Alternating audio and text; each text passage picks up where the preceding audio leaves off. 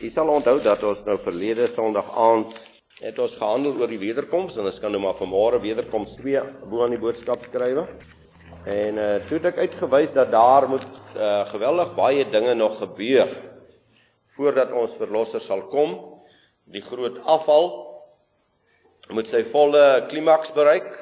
Ons is in die patroon van die afval, baie duidelik in die wêreld. Die Europese wêreld het so ver weggeval dat menige kerkgeboue het ander soort geboue geword in Europa. U is bewus daarvan.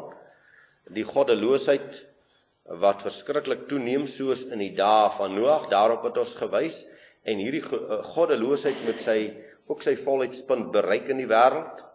Uh en dan het ons gepraat van die groot verdrukking.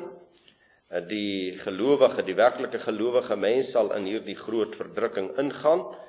'n Party wil dit ontvlug het ons gewys en hulle sal dit nie ontvlug nie want dis juist deur die groot verdrukking heen dat die versuiwering sal plaasvind en dan die geweldige oorlog uh, wat in die wêreld moet kom voordat ons verlosser sal verskyn. Nou die geweldige oorlog uh, is nie die geraas wat ons nou in die wêreld het van oorloë en gerugte van oorloë nie. Dit gaan 'n verskriklike oorlog wees en Laat ek nou maar vir u sê as jy mooi gaan lees die 38ste en 39ste hoofstukke van Esegiel, dan gaan dit oor Israel teenoor die res van die wêreld. So Israel moet geïdentifiseer word in die wêreld. Israel moet saamgevoeg word in die wêreld sodat die res van die wêreld teen Israel kan optree. Dit wil sê solank Israel deel is van die wêreld, soos wat dit nou is, al meer deel word van al die nasies van die aarde in 'n gelykheidsleer en in 'n nuwe wêreldorde, dan kan u maar vergeet, Israel sal moet uitstap, hy sal moet geïdentifiseer word. En dan kan u die derde wêreldoorlog verwag of die Gog en die Magog oorlog. Ons lees Matteus 24 'n paar verse sommer net so ter inleiding vir die boodskap. En Yeshua het uitgegaan en van die tempel vertrek en sy disippels het nader gekom om hom die geboue van die tempel te wys. En hier is baie interessant, u moet oplet uh die geankerdheid van ook hulle aan die dinge wat hulle gemaak het en wat vir hulle kosbaar is op die aarde.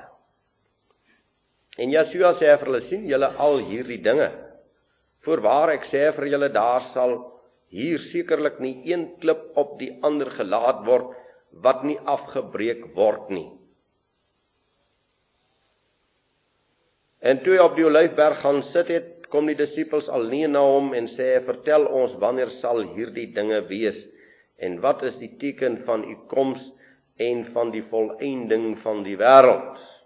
Nou terwille van ons kindertjies net uh in die jaar 70 na ons verlossing is Jerusalem vernietig, is die tempel afgebreek tot op sy fondamente.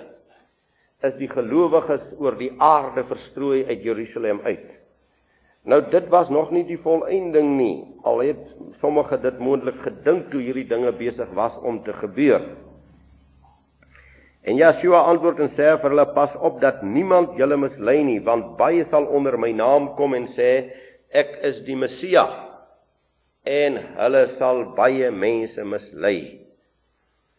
En julle sal hoor van oorloë en gerugte van oorloë, pas op, moenie verskrik word nie, want alles moet plaasvind, maar dit is nog nie die einde nie. Want die een nasie sal teen die ander opstaan en die een koninkryk teen die ander en daar sal hongersnode wees en pestsiektes en aardbewings op verskillende plekke. Maar al hierdie dinge is die begin van die smarte. Ons lees net tot daar. Geliefdes, ek wil graag vanmôre so 'n bietjie verder gaan oor die wederkoms. En ek gee hierdie boodskap deur net soos verlede keer sinne om een rede. En die rede is dat my mense, en u weet nou as ek van my mense praat, van wie praat ek in hierdie land? Dit wil sê dis die mense wat terugkeer na die woord van God in sy waarheid en dit ondersoek en nader beweeg aan die volheid in Yeshua Messia sodat ons wat ook al in hierdie wêreld gebeur staande kan bly rustig kan bly sterk kan word en die naam van ons God te alle tye kan eer. Want dis immers waarvoor ons hier is. As ek dan verder gaan, dan is dit dat ons moet kyk hoe sê Yeshua, hoe sal dinge wees en wat is die belangrike vir jou in my lewe? Dit is logies. Dit is verskriklik logies dat wanneer daar dinge in 'n land gebeur of in die wêreld of in die bestaan van 'n volk, daar antwoorde gesoek word en oplossings gesoek word en as mense baie sterk kom ons gebruik nou die goeie betekenis daarvan 'n baie sterk tradisionele pad gewandel het vir baie jare. En hierdie tradisionele weg van 'n volk word vir hom verander soos wat nou in Suid-Afrika gebeur. Dan daar dat daar oplossings en antwoord gesoek moet word en dat ons die ding wil nie laat gebeur soos wat die wêreld dit wil laat gebeur nie, maar dat ons wil behou wat ons het en noem op. As daar dan veranderinge plaasvind in hierdie wêreld dat u en ek wat konservatief is, wat geanker is aan die goddelike woord, dat ons dit so wil behou. Nou ek wil vir u vanmôre sê, u en ek kan behou wat God ons gegee het as ons by God bly. Of hoe verstaan u daardie woord? Waarvoor dink u het hy aan die vloekhout gesterwe en waarvoor het hy die oorwinning behaal? Sodat die duiwel met al sy agente van die aarde kan heen gaan met sy koninkryk of wat? Aan my se gee al die mag in die hemel en op die aarde. Nie haar van julle hoof, ek kan ons nie begryp wat die woord van God vir ons wil sê nie. Maar u sien, die groot tragedie, die groot hartseer is dat die volk van God wegraak. Binne hulle sogenaamde Christelikheid en godsdienstigheid dat hulle van God wegraak. En dan en u en ek moenie van hom al wegraak nie. Dit is die groot krag. Dit is die groot sterkte wat hy aan ons gegee het. Hulle wat my naam bely, hulle wat in my weg wandel, hulle is oorwinnaars. Hulle sal nie oorwinnaars word nie, hulle is dit.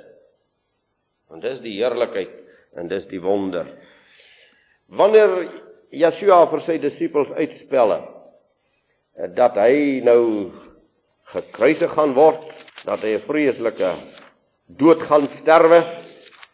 As hy dit aan hulle beginne bekend maak, dan weet jy dan was daar alle reaksies. Petrus het gesê dit sal u nooit oorkom nie. En Yeshua sê vir hom gaan weg agter my Satan, jy's vir my 'n struikeling. Die disippels wat moes begryp het dat daar is 'n sekere heilsplan wat in sy vervulling moet gaan en wat in 'n sekere patroon moet beweeg. En u en ek moet vanmôre weet, daar is 'n heilsplan van God oor hierdie aarde. En dit moet voltooi word. En al die haat en al die nait teen Yeshua en sy doodmaak het nie veroorsaak dat hierdie disippels doodgemaak is of nie hulle taak en hulle werk kon voortsit nie. In daardie vyhandige Jerusalem, na die uitstorting van die Heilige Gees, kon Petrus en sy manne gaan staan onbevrees in die krag van die Heilige Gees.